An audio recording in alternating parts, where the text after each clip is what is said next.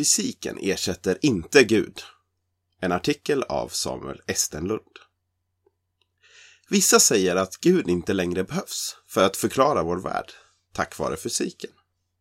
Man glömmer lätt att Galilei, Newton, Maxwell, Faraday och många andra som varit avgörande för vår förståelse för fysiken var kristna.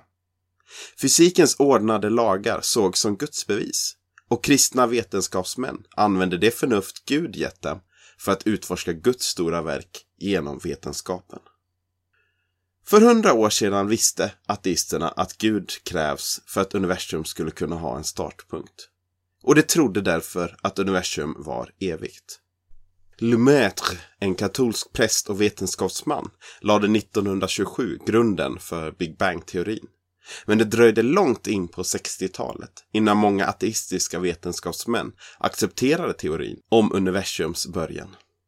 Än idag kan ateistiska fysiker inte komma överens om en förklaring till vad som orsakade Big Bang. Extremt finjusterat. En, om möjligt, ännu svårare fråga för ateistiska fysiker att svara på är varför våra fysiska lagar är så otroligt fint justerade. Bland formlerna i de fysiska lagarna finns nämligen konstanter med otroligt precisa värden.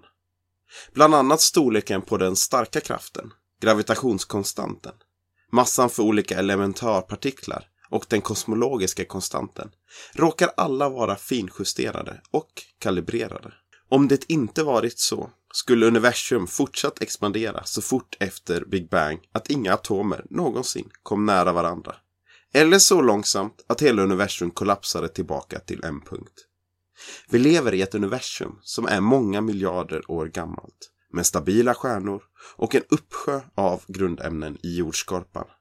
Det är så osannolikt och bortom allt förstånd att fysiker försöker komma på modeller som möjliggör att oändligt många universum hela tiden skapas överallt. Så att åtminstone något universum fungerar så bra som vårt. Skaparens storhet. Jag skulle kunna nämna många andra exempel i fysiken som visar detta. Men jag hoppas att du redan förstått poängen.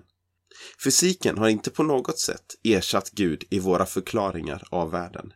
Den vittnar starkare än någonsin om vår skapares storhet.